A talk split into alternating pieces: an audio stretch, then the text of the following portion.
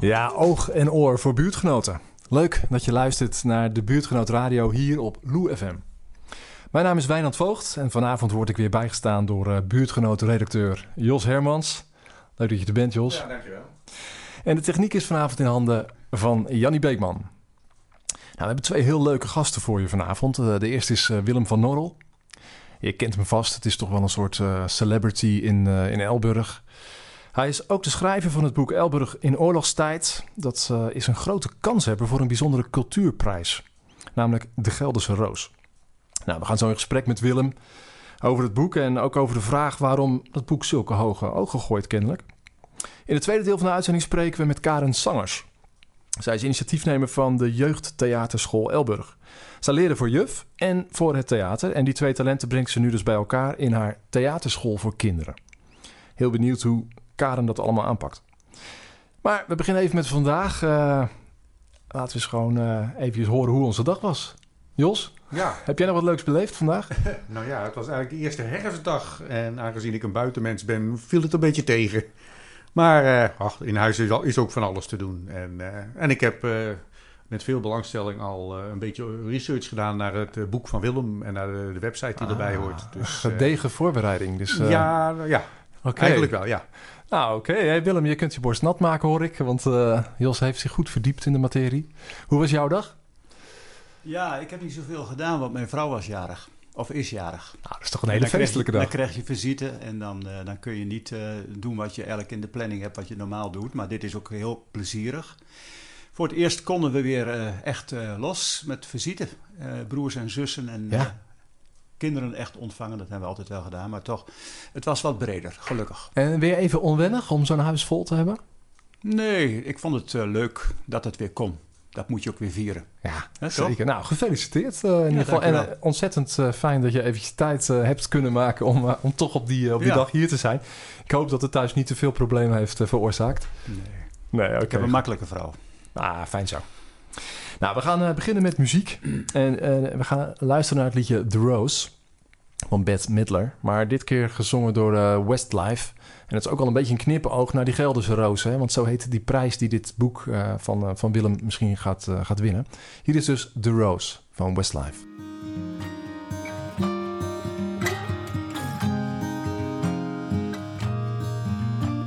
Ja, nou, een all-time classic. Best wel gevoelig begonnen zo aan deze, aan deze uitzending. We gaan eens praten met, uh, met Willem van Norrel. Willem, ik schat zo in dat jij uh, aan deze tafel al wel eens wat vaker gezeten hebt. Ja, bijna ieder jaar wel. Bijna ieder jaar een ja, keer? Ja. Ja, dat kun je nagaan. Hey, um, ik denk dus dat veel mensen in Elburg ook wel een beetje een beeld hebben bij jouw persoon.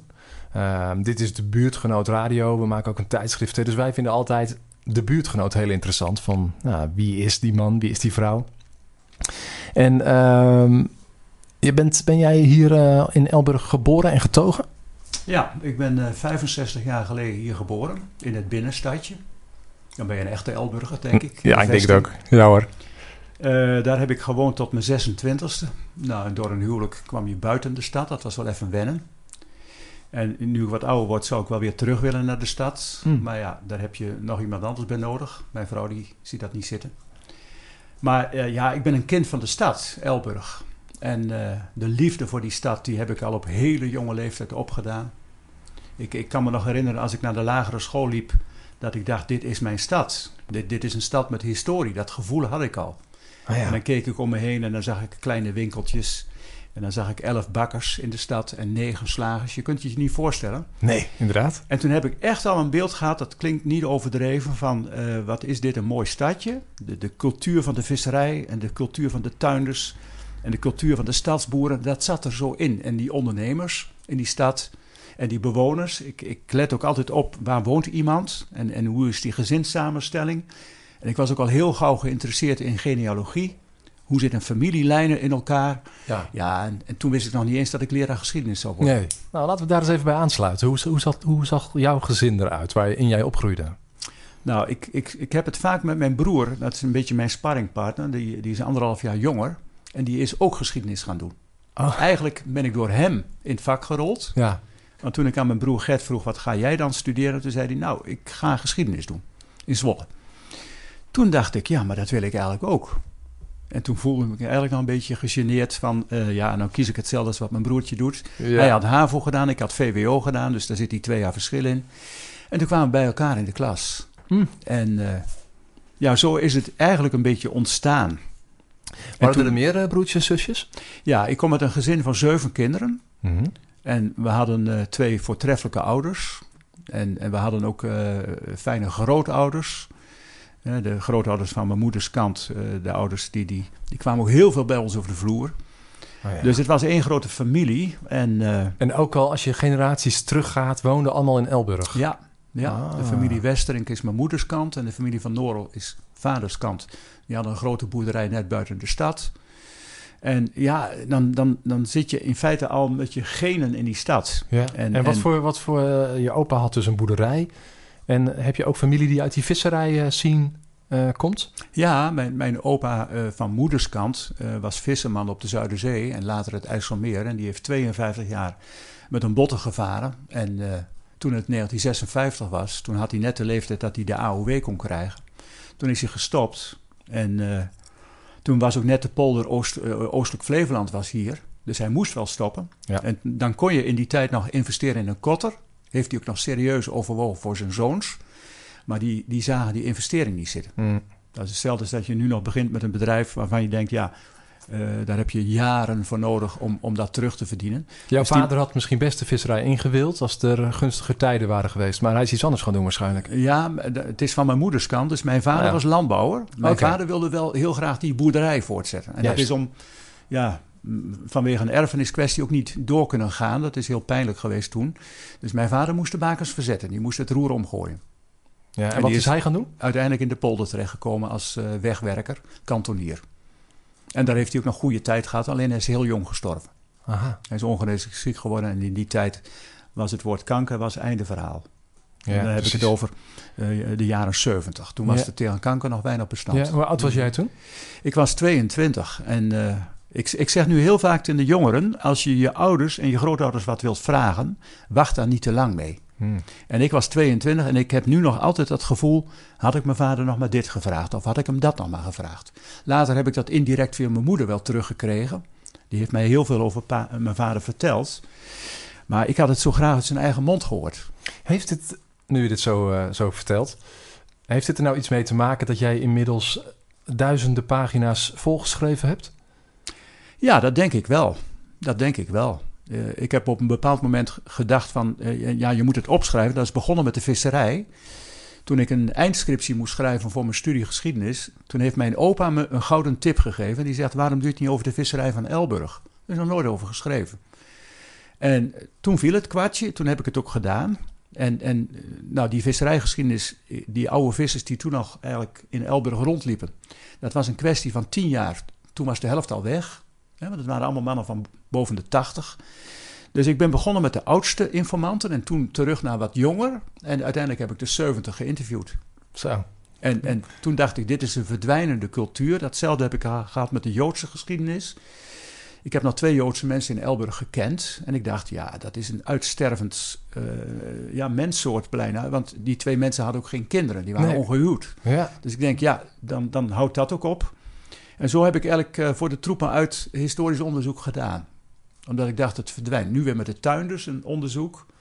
Want ik wist, ja, er zijn nu nog maar twee tuindersbedrijven. En in mijn jeugd waren er veertig bedrijfjes. Hmm. Maar je bent nu met die tuinders bezig. Dat heb ik al afgerond. Dat heb je al is, afgerond. Dat is in 2019 verschenen. Ah, oké. Maar Maar daar we gaan dat straks eens even wat meer horen welke Ja. publicaties er nou allemaal Ja, zijn. ja. Hoewel we vanavond vooral praten over het boek eh, Elburg en omstreken in oorlogstijd en, het, en de bijbehorende website.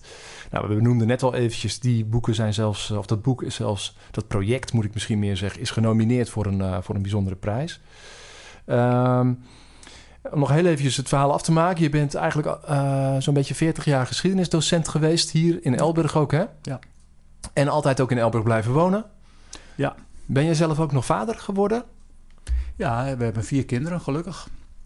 En ik probeer die, die kennis ook wel over te dragen. Maar ja, je hebt nu met een andere generatie te maken. Ehm, maar toch, latent is de belangstelling voor geschiedenis bij al mijn kinderen is Ja.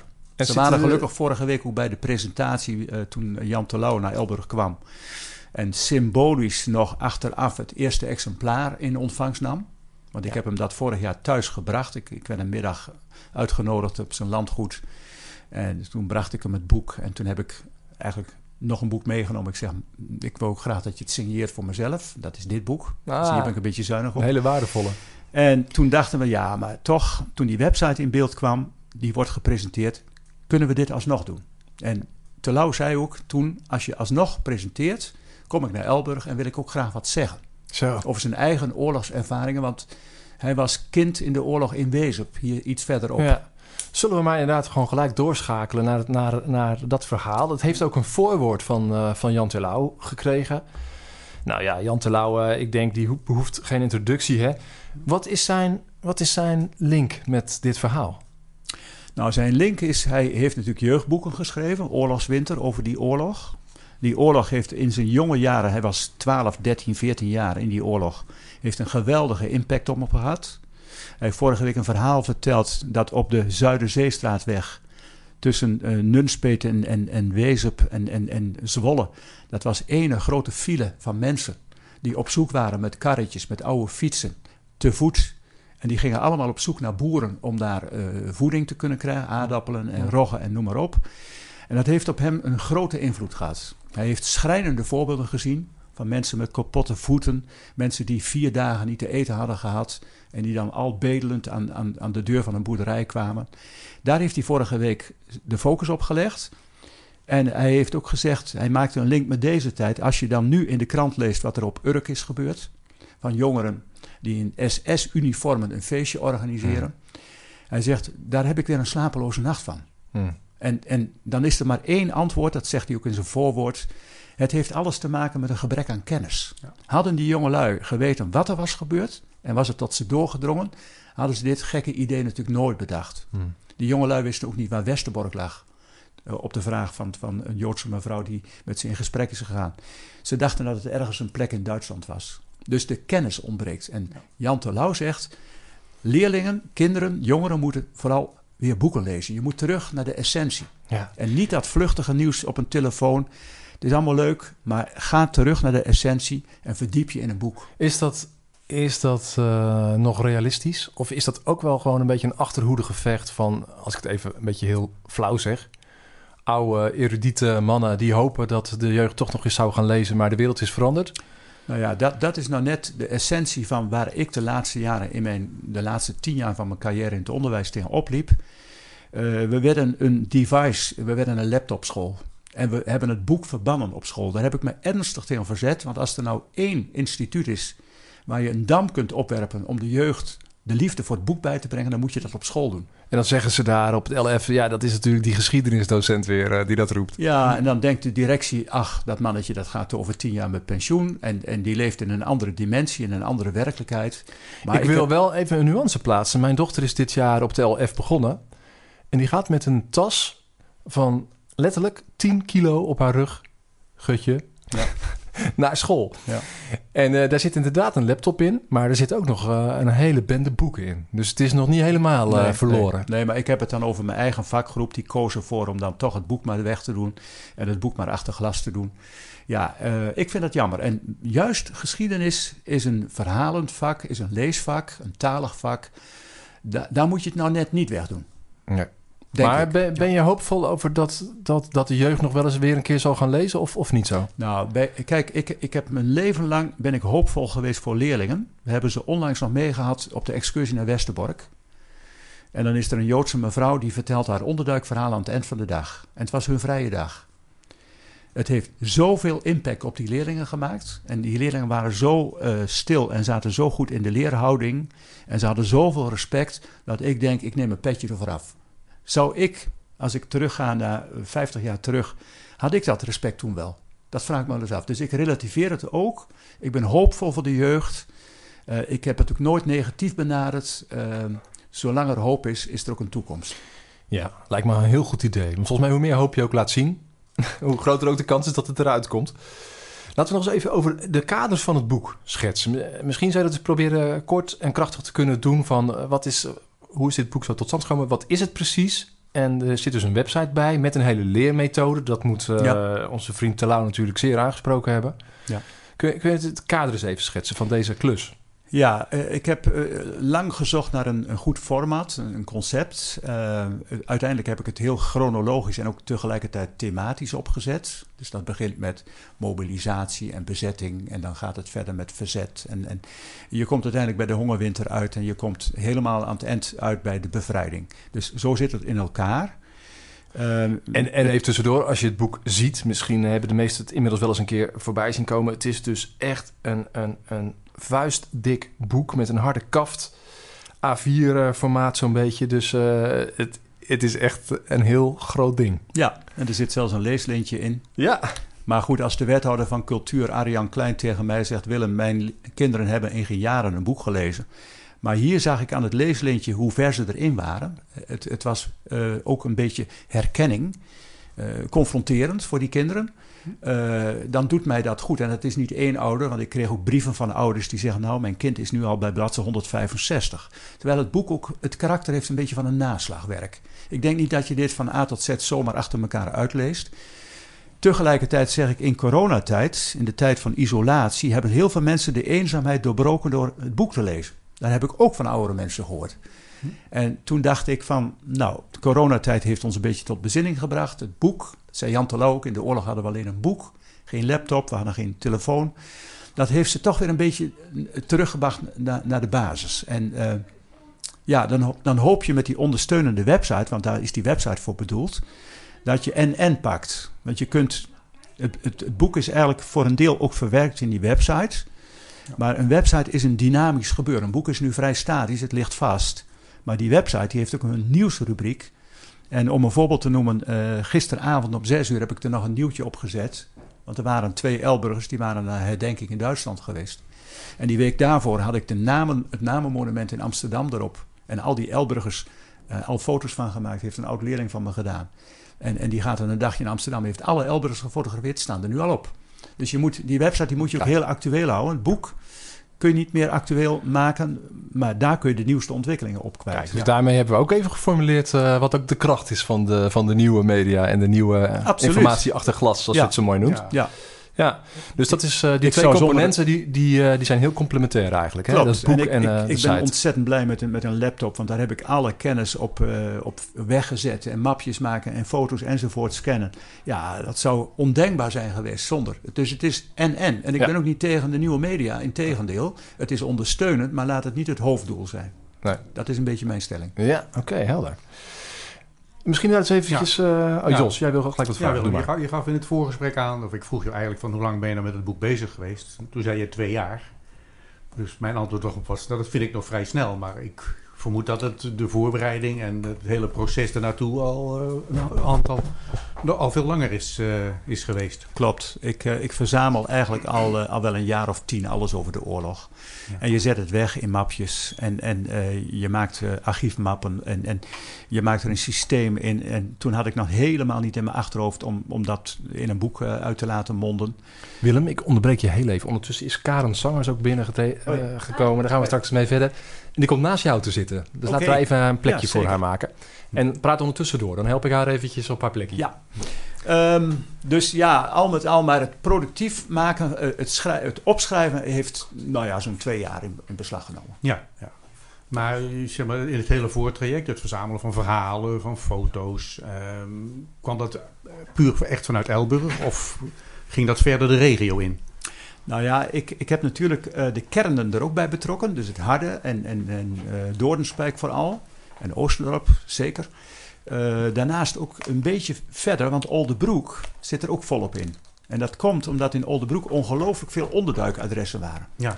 Ik, ik durf zelfs de stelling aan, er is geen plek in Nederland, behalve Aalten, dacht ik waar het percentage per vierkante meter onderduikers in Oldebroek heel hoog is. Ja. En dan komt het, um, daar heeft een oud Oldebroeker een rol in gehad, die in Amersfoort werkzaam was en die in Amersfoort merkte, de Joden in Amersfoort hebben het moeilijk. Ik weet in Oldebroek zoveel adressen met boerderijen, met ruimte en, en, mensen die ook vanuit hun geloof dat, dat wilden doen naast hun liefde. En die kwamen dan in Oldebroek terecht en dan komt in Oldebroek, wordt het gevaarlijk, veel razzia's. De, de bezetters hadden dat ook wel in de gaten. En dan gaat een deel van die onderduikers gaat naar Elburg. Wij hebben hier een hele rustige en relatief uh, zeg maar soepele bezetting gehad. Ja. Mijn opa heeft dat zo vaak verteld. We hebben niet zoveel last van die oorlog gehad.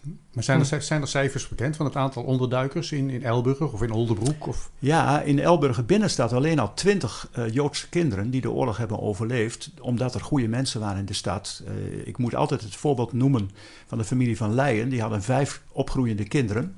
En dan wordt er een beroep gedaan op die moeder, waarvan ze wisten, nou, die is zo inlevend en zo uh, sociaal. En dan zeggen ze, we hebben een klein jongetje van zes, kan dat bij jullie? En dan zegt moeder van Leij, ja, natuurlijk kan dat. Ja. En vier weken later komt bij dat jongetje van zes nog een meisje van zestien. Want die hadden elkaar in het onderduikersdorp in, in Vierhout. zaten ze in dezelfde hut. En die kleine Herman, die was zo overstuurd. Die komt in een nieuw gezin. En die riep om Leni. En dan wordt Leni, die zit in Elburg, bij dat adres weggehaald. En die komt dan ook in dat gezin. Ja. Dan heb je dus naast de vijf eigen kinderen, heb je er dus twee onderduikkinderen bij. En dan kom ik in een bejaardencentrum, hou ik een lezing. En dan laat ik die dia zien van die familie. En dan gaat er een oude man opstaan, met tranen in zijn ogen. En die zegt, Willem, overal waar jij komt, moet je dit verhaal noemen.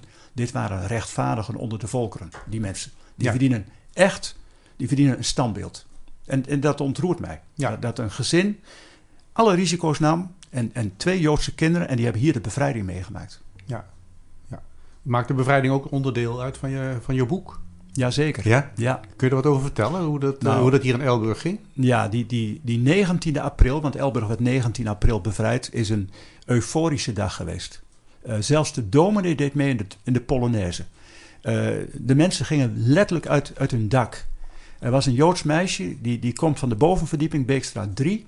En dan zegt die, die, die onderduikvader, die zegt... Mout, je mag naar buiten, want je bent vrij... en roep maar tegen iedereen dat je Joods bent. En dat meisje, dat, dat is zo in, in de ban van... Dan is er een Canadees en die zit op een tank... en die geeft haar een plak chocola. En ze wist niet wat het was. Ja. En toen heeft haar stiefzusje gezegd: Mout, proef het eens. Want het is fantastisch. We hebben al die tijd geen chocola gehad. Legt ze het op de tong en dan zegt ze. Ze is nu 85. Ik heb gisteravond met haar gezoomd. Ze woont in New Jersey inmiddels. En dan zegt ze: Willem, ik heb nog nooit zo'n smaak op mijn tong gehad. En dat tijdens de bevrijding. Ja. En dan schrijft ze op 80-jarige leeftijd een autobiografie. En dan wordt de titel van dat boekje: Chocolate, The Taste of Freedom. Ja. Wat wil je nog meer? Ja. Ja. ja. Ja, Dat is toch fantastisch? Ja. Het is een, een En dat ontroert me in die zin dat ieder plakje chocola wat ik nu neem, denk ik aan mout. En aan die bevrijding. Het associeert je.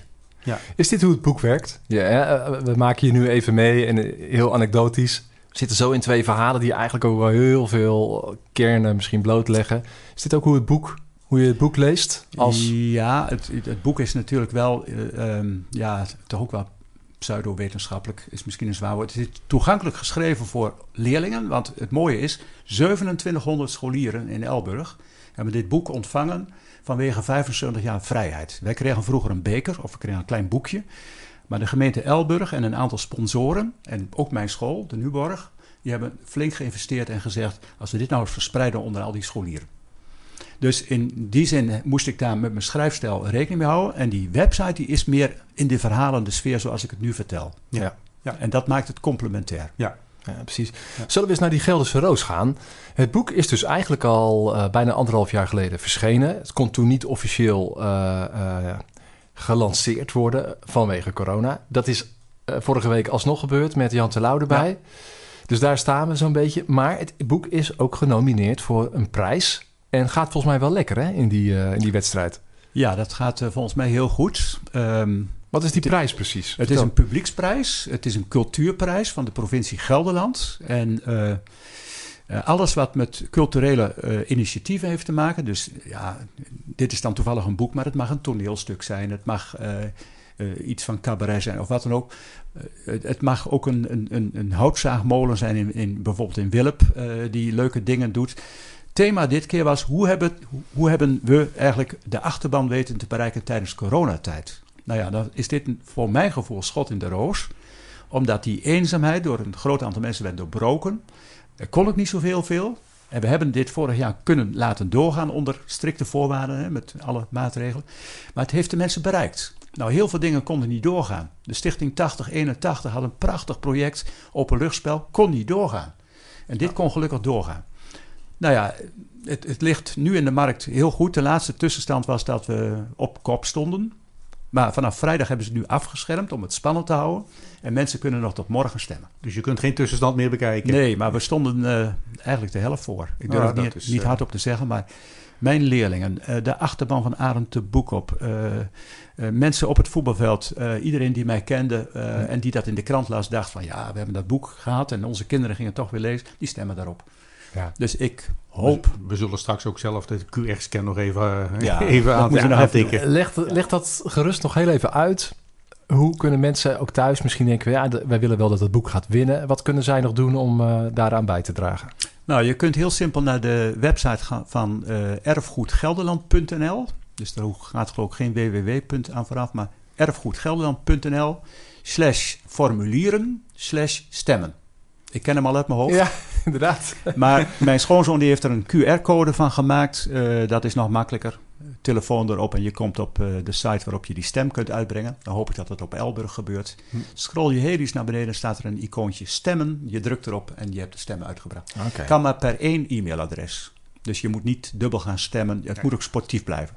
Ja, we zullen morgen een stukje naar aanleiding van deze uitzending op onze website debuurtgenoot.nl plaatsen. En we zullen die QR-code of dat linkje er ook, eh, ook even aan toevoegen. Ehm, ja, eigenlijk zijn we nog maar net begonnen met praten, hè, voor je gevoel. En toch is onze tweede gast alweer, eh alweer binnen, binnen gewandeld. Karen, welkom. Ik heb nog even helemaal niet kunnen zeggen, maar eh, leuk dat je er bent. Nou, dankjewel. Zit je goed? Eh, volgens mij. Want we Ja. zitten weer aardig vol hè, in de studio. Dat Ja, zijn is, oude eh, tijden hier hoor. Ja. Druk, maar goed. Ja. Herkende jij dit boek? Ehm, nou, dat boek niet, maar ik eh, kregen wel van de week een plusboek eh, door de brievenbus. En daar zag ik eh, dat je ook aan eh, meegewerkt had. Ja, Dichterbij. klopt. Nog, oké. Maar eh, ja, het was e- wel echt heel mooi om te zien. En ik dacht, eh, ja. Maar nou is er eh, één nadeel. Eh, De mannen die hier zitten wonen op het harde en die krijgen niet zo'n plusboek. ja, Nee, wat is dat, een plusboek? Want ik, ik denk inderdaad... Of eh, weet, jij het wel, Jos? Nee, nee, Nee. ik, Nou, ik zal het dat even heel kort verschijnsel ken ik uitleggen. niet. Ik, werd benaderd door eh, zeg maar de ondernemer eh, Gerrit Knikker van de Plus, de supermarkt hier in Ah, Elburg. plus, ja. En die zegt, ehm, we hebben in het verleden voetbalboeken gemaakt met voetbalplaatjes van al die spelers van ESC en van VCO Ja. en zo. Ja. Maar nu wil ik een historisch plaatjesalbum. En eh, zie jij kans om in, nou ja, in een beperking van 64 pagina's iets over die geschiedenis van Elburg te doen, waarbij er dus 216 plaatjes gesmaakt kunnen worden. Bij iedere 10 euro boodschappen kun je vanaf maandag kun je een zakje met, met plaatjes krijgen, historische mooie prentjes. Eh, en dan eh, krijg je daar vier plaatjes bij. Nou, de, de clue is een klein beetje oud en jong, en vooral jong gaat ermee sparen. Hè, want op de basisscholen zingt het nu al rond. Eh, heb je het album al en volgende week, mijn moeder moet naar de plus toe. Nou, dat is toch fantastisch. ja. En dan kan opa en oma of de kinderen, die kunnen dus ruilen met de kleinkinderen. Ja. Dat, dat, is een beetje de clue. En al spelende wijs ga je dat album vullen. En, en krijg je het idee van, dit is de geschiedenis van Elburg in notendop. Dan hoop ik dat ze die teksten ook nog lezen. En die plaatjes die maken dan zo'n album compleet. Het moet een interactief gebeuren worden. Elf weken lang, tot 11 december, kunnen jullie allemaal sparen. Dat is weer het idee van de oude verkade-albums. Kijk, ja. nou, En dan moet je 100 jaar terug. worden. En, maar eh, Karen, jij hebt dat boek in, eh, door de bus gekregen.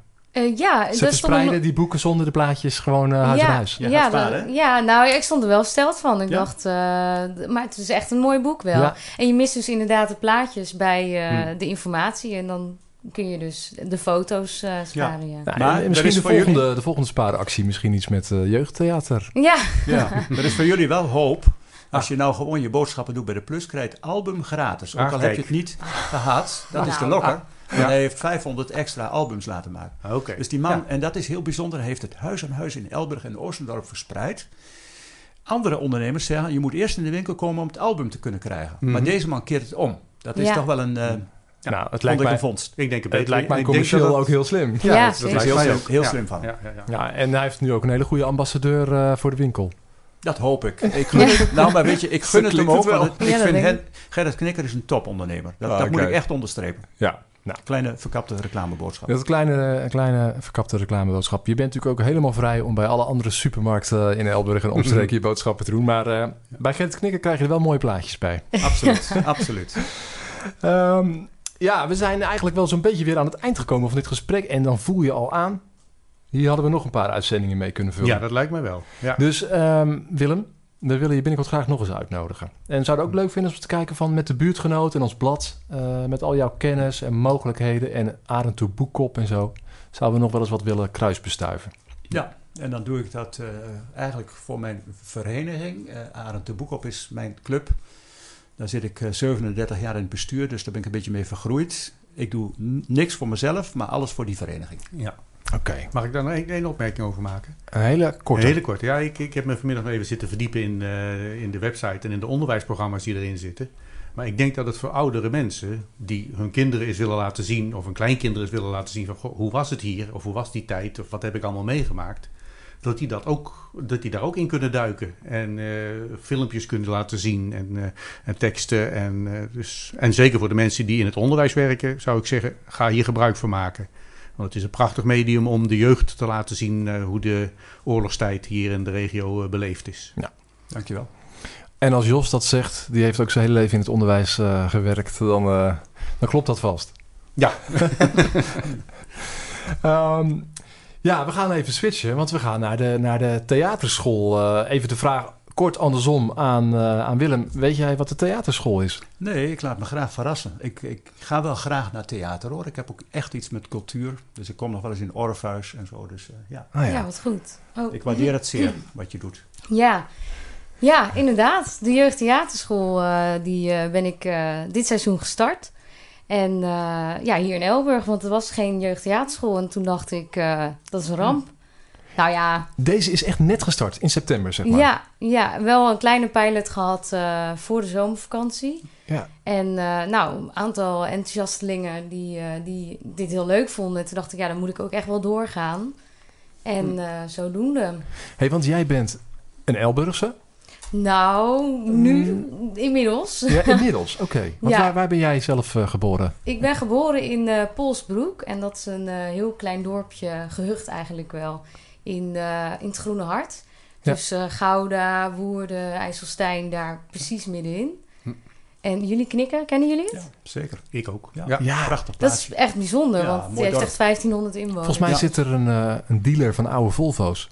Dat zou heel goed kunnen. En dan weten wij dat. Dan, Oh. weten, dan weten wij dat. ja. Maar hoe ben je in Elburg neergestreken? Ja, mijn eh, vriend woont eh, in Elburg. Ja, en die is niet weg te slaan natuurlijk. Ja. Dus eh, ja, en ik vind het heel gezellig ook. Ik, ik heb vroeger, toen ik nog klein was, altijd gezegd... ik wil in een soort... Ja, in de, wel in de stad wonen, maar wel met het dorpse gevoel. Hm. En ik, ik vind dat ik dat hier in Elburg wel heel erg ja, eh, krijg en voel. Ja, ja ik kan me dat voorstellen. Ja, hey, en ehm, jij hebt geleerd voor eh, juffrouw. ja. Of leerkracht, hè, moet ik denk ik zeggen. ja Op ik heb de- de op- Pabo gedaan Ja, de inderdaad. Pabo. Ja. En je hebt ook een theaterschool gedaan. Dus je bent ook een theatermaker. Ja, ja, ja, ik heb ook een eh, docent theater gedaan. Ja, precies. Dus ik ben theatermaker, maar ook theaterdocent en regisseur. En eigenlijk komt er alles bij kijken. Want het lijkt me dat die jeugdtheaterschool in Elburg, die je dus nu gestart bent, Ja. dat, is waarschijnlijk een onderdeel van jouw werkweek. Dat is, ja, zeker. Ja, En wat, wat, wat, zou, wat zijn de andere onderdelen uit jouw, eh, ja ik geef nog eh, eh, drie dagen les op een basisschool als dus leerkracht. En echt met heel veel plezier, vind ik heel leuk. En verder werk ik nog in het Harde op een basisschool. Daar geef ik dan theaterles op de Parel. Ja. En, ehm, en ik geef in Houten, dus dat is weer een beetje in de buurt van eh, waar ik ben opgegroeid. Daar geef ik eh, ook op een jeugdtheaterschool eh, theaterles. Hmm. Nou ja, en dan hier nog in Elburg. Ja, Hey, want zo'n jeugdtheaterschool, dat is gewoon een, een bekend fenomeen. Dat, dat, er Ja, zijn genoeg wel- steden, dorpen Ja. waar dat is. ja dat, eh, dit is gewoon een plek waar je na schooltijd heen kan, waar je theaterles volgt. En eh, ja, soms maak je een voorstelling met z'n allen en soms is het een theatrale presentatie, om het zo te noemen. En eh, ja, dat, je ontwikkelt je eigenlijk eh, op heel veel vlakken. Natuurlijk op theatervlak, maar ja, ook heel erg sociaal, emotioneel. Maar dat zijn allemaal voordelen die erbij komen zonder dat kinderen dat soms weten. Of soms wel, dan komen ze omdat ze wat verlegen zijn en dan leren ze wat meer ja, zich open te stellen en eh, ja, Hm. toch wat makkelijker zichzelf te presenteren. Ja. Dus dat, jij vindt eigenlijk wel dat het een basisfaciliteit zou moeten zijn in een, eh, in een, eh, in een dorp of stad. Ja, zeker. Ja.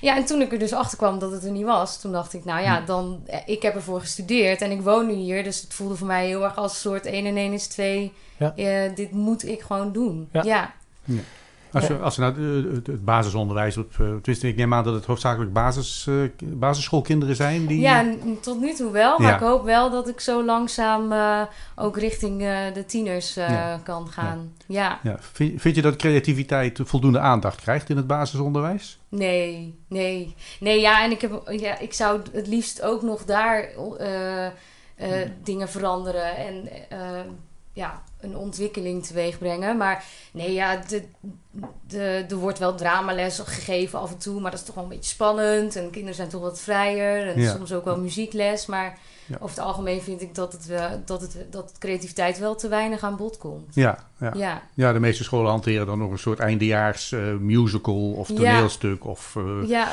volgen toch maar de lessen via de methode. En dan, Mhm. ja, als... Maar je bent zelf drie dagen in de week juf. Mhm. En, en wat, wat is er dan anders bij jou als iemand die wel die theater-spirit heeft?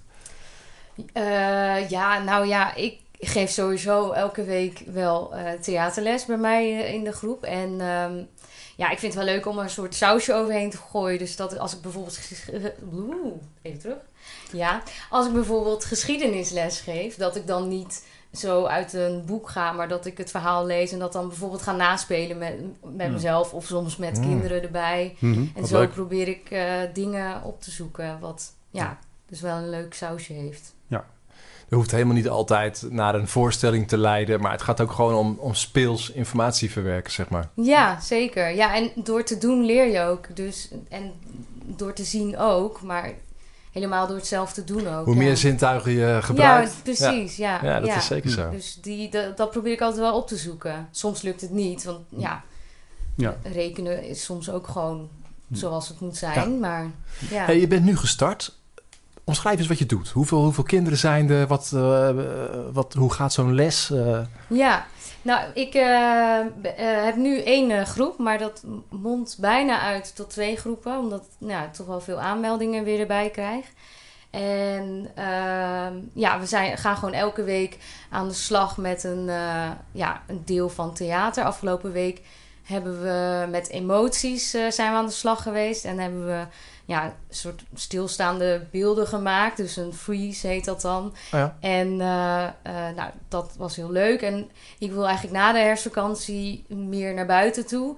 Om dan in de, in de kerstvakantie, want er is geen kerst in de vesting, maar toch wil ik wel de wal op en dan met de kinderen locatietheater te maken. Ehm, en dan wellicht uit het boek van de Plus wat informatie te vergaren. Want er staan ook heel veel mooie dingen in. En eh, ja, voor- maar vooral, ik vind het heel belangrijk dat vooral de kinderen zelf dingen maken. Dus niet dat ik nu al een idee heb van, oké, we gaan dit allemaal doen Hm. van A tot Z maar, Z, maar dat ik meer wat kaders kan bieden en dat de kinderen heel veel zelf Hm. kunnen bedenken. Ja, je, ja, je, zet- je zet niet iets- van tevoren op met een script en een draaiboek Nee. en zo. Het- het- Nee, dat was heel mooi met de pilot ook vorig jaar. Toen waren er heel veel kinderen die zeiden bij de eerste les... "Ehm, en welke rol mag ik dan spelen? En ik zei, ja, ik heb geen idee. Jullie gaan het zelf allemaal maken. Nou, dat was wel... Die schakeling was nog wel even moeilijk. Maar ja, ik vind dat wel echt het belangrijkste. Dat kinderen zelf theater maken en zelf een creativiteit inzetten. Ja, Ja. precies. In plaats van dat ik een, een script heb en zeggen... nou, deze rollen zijn er en eh, succes. Ja. Dan gaat het meer om je acteervaardigheden. dat Ja. kan ook heel interessant zijn, maar... Dat is niet Als ik eh, net het verhaal van Willem hoorde... Ik weet niet of jij toen hier al binnen was... maar hij, hij vertelde dus over een Elburgs gezin... Dat dat best, waar best al een hoop kinderen waren. Ja, Waar toch nog langzaam zeker eh, twee andere kinderen eh, bij aansloten. ja, En jij benadrukt wat een bijzonder gezin. Ja. Ik dacht ook wel even van ja, wauw, voor die kinderen ook hè. Je, komt, Ja. je hebt al in dat verscholen dorp gezeten, daar kwamen ze vandaan. En dan ga je zomaar weer een heel ander gezin in, verstopt. Eh, Dat is ook zoiets wat je misschien met theater of met het naspelen... ja, als verhaal bedoel echt, je. wel een, ja. eh, echt wel iets heel bijzonders zou zijn. Om Jouw keuze voor die theaterschool en van je eigen theateropleiding, komt dat ook vanuit je eigen jeugd? Of is dat door je ouders gestimuleerd? Of hadden jullie überhaupt vroeger veel te maken met theater? Ehm, nou, ik denk, zoals de geschiedenislessen die ik dan geef, heb ik vroeger ook wel zo gehad. Dus ik denk dat daar al een zaadje is geplant. Eh, dat vond ik heel leuk. En, en eh, ja, dan leer je gewoon de, de, de stof heel goed. En, Maar, maar hoe gaat... Kun je het eens omschrijven? Ja, sorry, we zitten in een andere... an- eerst maar even die vraag van Jos. Ja. ja. Nou ja, en toen, eh, toen ik naar de middelbare school ben gegaan, toen ben ik dus in aanraking gekomen met een jeugdtheaterschool. En toen heb ik daar zelf vier jaar op gezeten.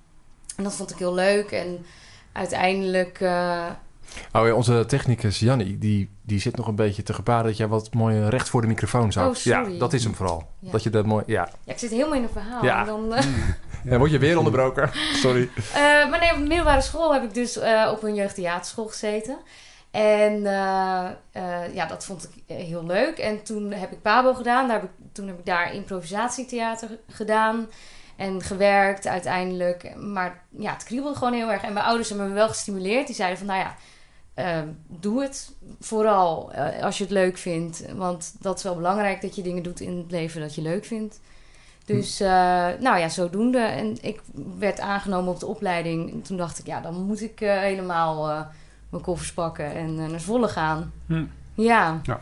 Want in Zwolle is hier een goede school voor.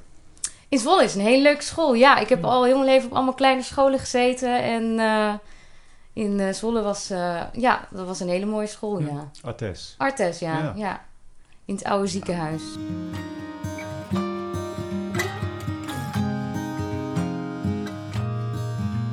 Oh ja, dat was eh, zomaar he- helemaal eh, eigenwijs ertussendoor eh, een liedje van Annie the Musical. Ja, maar het sloot wel goed aan bij het Sloot- onderwerp. sloot natuurlijk. eigenlijk heel goed Ja. aan, ja. Ja, maar ik ben geen musical. Dat is Nee? toch wel weer anders. Ja, Ja, we hebben hem ook weer weggedraaid. Want we, Ja. dachten, nee, we hebben nog zoveel te bespreken. Ja. We gaan even terug naar het gesprek. vinden de kinderen dat niet jammer? Dat, dat, eh, Dat het geen musical Ja? is? Nou ja, dan, dan moet je op musicalles, denk Oké, ik. Ja. ja, ja, ja.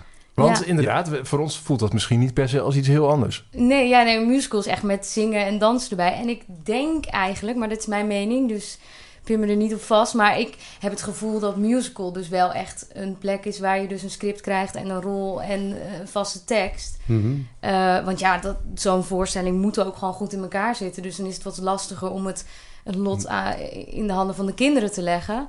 En eh, ja, dat vind ik dus wat minder interessant. Want dan, Ah, ja. ja. zit je, dan ontwikkelen kinderen toch niet echt hun creativiteit. En hoort dat ook bij zo'n theaterschool? Dat er eigenlijk altijd naar die vrije, vrijere rol eh, gezocht wordt? Of heb je ook best wel theaterscholen die zeggen... jongens, we gaan eh Aladdin eh, spelen met ja, elkaar? nou dat verschilt echt per te- jeugdtheaterschool, ja. Ja, en ik heb beide meegemaakt ook.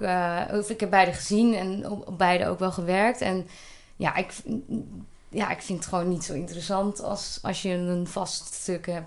Ja. Ah, jij vindt dat vrije heel leuk. Ja, ja, en ik vind het ook gewoon mooi ehm, om te zien waar de kinderen zelf mee komen en dat je dan daar iets mee doet. Mhm. Dat is ook een beetje een stuk eigenaarschap van de kinderen zelf, wat, je dan, eh, wat je dan ziet. Ja. Ja. En vertel eens, wat, wat zie je dan bijvoorbeeld? Wat, wat gebeurt er dan zomaar ergens een keer... eh, wat er uit zo'n kind ontstaat... waarvan jij ook verrast bent en denkt... hé, jongen, dit is leuk. Of dit is gek misschien. Ehm, ja, dat verschilt heel. Maar ik probeer altijd wel in de lessen dan die. eh, ik probeer eerst een onderwerp uit te eh, zoeken. En dan daarop bijvoorbeeld schrijfopdrachten te geven. En dan weer heel erg maakopdrachten. En dan weer heel erg beweging bijvoorbeeld. Dus dat je van alles wel materiaal verzamelt. En, eh, en daaruit pik ik dan eh, de mooiste dingen en, pro- en dat voeg ik dan samen tot één Hm. geheel. En nou ja, dat gaan we dan repeteren en repeteren en dan heb je een voorstelling eigenlijk. Ja. ja. Maar wel dat de kinderen dus voornamelijk zelf al het, met al het materiaal komen. Alleen ik ben dan degene die de puzzel in elkaar eh, legt. Ja. Maar dan heb je meerdere voorstellingen in een jaar? Of, Ehm, of, of werk je naar één, één hoogtepunt toe, om het zo maar te zeggen? Nou ja, voor hier in Elburg ga ik dan, eh, ben ik bezig met dus de kerst. Dat, dat, dat is dan een ja, soort tussenvoorstelling. Dat, ik zie het voor me als een soort wandeling over de wal. En dat je dan op allemaal verschillende plekken kleine eh scènes, Scènes, hebt. ja. Mhm. En, eh, ja, en dan aan het einde van het jaar, in juni, wil ik wel een eh, voorstelling in het Huiken geven. Dat, eh, ja, dat er gewoon een zaal vol publiek kan zitten. Ja. Ja. Dus dat is dan weer wat groter. ja. Maar is het, is het dan ook het totaalpakket? Decorbouw, kleding? doen de kinderen dat ook allemaal zelf? Ehm, ja, in principe wel, ja. Ja. Ja, ja. Nu weet ik niet in hoeverre we heel veel decor nodig gaan Nee, hebben. dat zal ook wisselen per, eh, Ja, per onderwerp productie. natuurlijk. Ja, precies. Ja. Ja. Ja. Wat leuk, hè? En je vertelt dus ook dat je die lessen ook gewoon binnen het schoolsysteem, bijvoorbeeld van de Parel, bent gaan aanbieden binnen hun lesprogramma. Ja, eigenlijk kwam dat eh, vanuit de directeur. Die zei, joh, we, we willen meer eh, drama in ons onderwijs. En daar willen we gewoon een vakdocent voor. Dus die hadden gevraagd eh, of ik dat wilde doen. Oh. En eh, ja, dat vind ik heel leuk, want dat past natuurlijk precies in mijn straatje.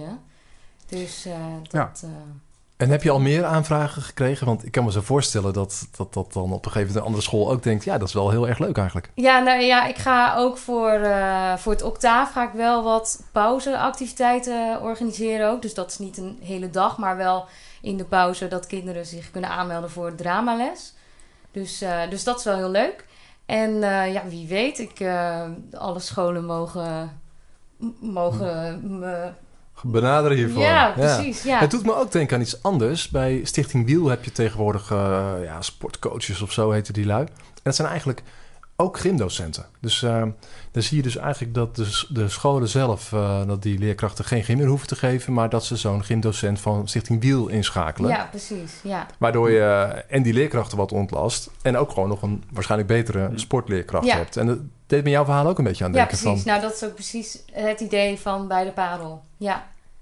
ja. dus in die zin zou dat best eens een, eh, een, een beginnende ontwikkeling kunnen zijn... bij basisscholen. Dat ze langzaam maar zeker... eh, allemaal eh, een specialist in gaan huren om eh, ook een, een uurtje per week eh, Ja. theater te doen. Ja, ik denk dat het sowieso wel een ontwikkeling is. Want wat je zei van gym, dat zie je al heel veel. Maar muziek natuurlijk ook wel. Ja. Vooral hier in Elburg. Maar eh, ja, voor theater zou dat ook zo kunnen natuurlijk. Ja. Ja, precies. Hey, en ehm, kun je omschrijven hoe mensen hier aan deel kunnen gaan nemen... of wat er dan van ze verwacht wordt?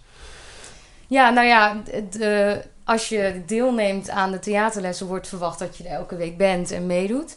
En ja, natuurlijk kan je soms een keer niet. Maar ja, het is zeg maar gewoon een sport die je doet. Dus ja, die wil je ook elke week doen. En eh, ja, hoe kun je deelnemen? Je kan, je, ja, je kan even een kijkje nemen op de website als je dat fijn vindt. Dat is Ja. gewoon www.jeugdtheaterschoolelburg.nl. Simpeler kan eigenlijk niet, denk ik. Mhm. Eh, maar je kan ook een mailtje sturen. Die, dat is info.jeugdtheaterschoolelburg.nl Ja, precies. Maar dat staat ook allemaal op de website. Ja, dus op die website kun je precies vinden wanneer wordt er dan geoefend Ja, en, en hoe ja. lang duurt dat en hoe Ja. oud moet je zijn. Of, eh, Ja, nou ja, ik probeer... Ik wil eigenlijk eh, ja, voor jonge mensen van 6 tot en met 21 jaar dit doen. En eh, dus ja, Oh, Echt waarbij je ook echt die voorstelling waar je toch wel een beetje naartoe werkt, eh, dat ook met de hele groep. nee, Doet. nee, nee, nee, nee, nee, zeker niet. Nee. Nee, wel leeftijden gescheiden, apart. Ja. Ah, ja. Maar he- heb je nu ook al dat je een groep kinderen hebt waarvan je al heel snel ziet van oeh, daar zit een stuk talent in. Ja, nou ja, je ziet, bij, eh, je ziet wel bij bepaalde kinderen dat je daar wel meer talent, eh, of dat het talent zich sneller ontwikkelt, of toch wat creatief makkelijker denkt, om het Ja. zo te zeggen. Ja, Ja. Dat, dat, dat is wel zichtbaar, ja. Ja, Maar het is ook heel leuk, juist. Ja. En Ja. dat kun je ook weer benutten en, en juist meer uitdagen. ja. Ja. Ik denk dat het ook voor kinderen die eh, ja, wat verlegen zijn of terughoudend zijn of vaak niet zo durven, dat dit juist ook een hele goede, ja. goede stimulans is om je in de ontwikkeling. Ja, ook. Ja, ja het is inderdaad, je, je leert eh, heel veel over jezelf, maar ook hoe, hoe sta je voor een groep. En, Ja. en Ja. Maar, maar ook bijvoorbeeld met die emoties van van de week. Ja, hoe, hoe beeld je dat nu uit? Hoe, hoe, hoe, hoe voelt het nou om boos te zijn? Hoe voelt het in je lichaam? Ja. Dus dat ja, klinkt heel zweverig, maar het is eigenlijk heel bazaal. Ja. En, En je kunt het heel speels doen natuurlijk. ja, Ja. ja. Hey, en zelf, eh, eh, speel je zelf ook in, in stukken of eh, in een gezelschap? Of, eh, Ja, nee, momenteel eh, niet. Daar heb ik het nu even iets te druk voor. Maar vind dat wel heel leuk, ja, om zelf te spelen. Ja, ja. ja. Wat was wat, was wat dat betreft jouw, eh, jouw mooiste ervaring? Met Als, spelen? als speler? Oh, nou, ik heb een keer de stiefmoeder van Assepoester mogen spelen. Dat vond ik eh, wel echt Hm. heel tof. ja, ja, maar toen was ik ook wel nog jong hoor. Maar dan mocht ik lekker schreeuwen en eh, gek doen. Ah ja, en dat vond je wel fijn. Ja, vond ik wel leuk toen. Ja. Ja, precies. Hey, want hebben, hebben alle mensen het in zich om eh, te kunnen theateren? Of eh, is het niet aan iedereen eh, gegeven? Ehm, Nou, ik denk dat je, je moet het leuk vinden. En als je het leuk vindt, dan heb je het in je. Of als je er interesse voor hebt. En misschien vind je het dan moeilijk, maar dan heb je het, vind je het wel leuk en interesse voor. Dus dan, dan gaat het wel gemakkelijker. Hm. Maar er zijn zeker ook kinderen die dit eh, niet leuk vinden. En dat is ook goed, weet je. Dan Ja. zoek je een andere hobby. Dat, Ja. Wat ik aan het begin al zei, je moet doen wat je leuk vindt in Ja. je leven. En dat geldt natuurlijk ook voor kinderen. Ja, precies. Ja. Nou, het is wel, eh, wel heel boeiend om, eh, om te horen dat, eh, dat we gewoon weer zo'n hele nieuwe feature hebben in onze, in onze gemeente, zeg maar. En waar, het gebeurt in het Huiken, geloof ik, hè? Ja, ja. Ja, ook juist omdat ik niet in een, in een school wilde zitten. Want dan zit je toch weer in zo'n schoolse sfeer. En in het Huik heb je een hele mooie theaterzaal. Ja. Dus ik wilde juist ook de theatersfeer mee, eh, eh, meenemen daarin. Ja. Ja, ik krijg hier een, een goede hint dat we nog één minuutje, één minuutje te gaan hebben.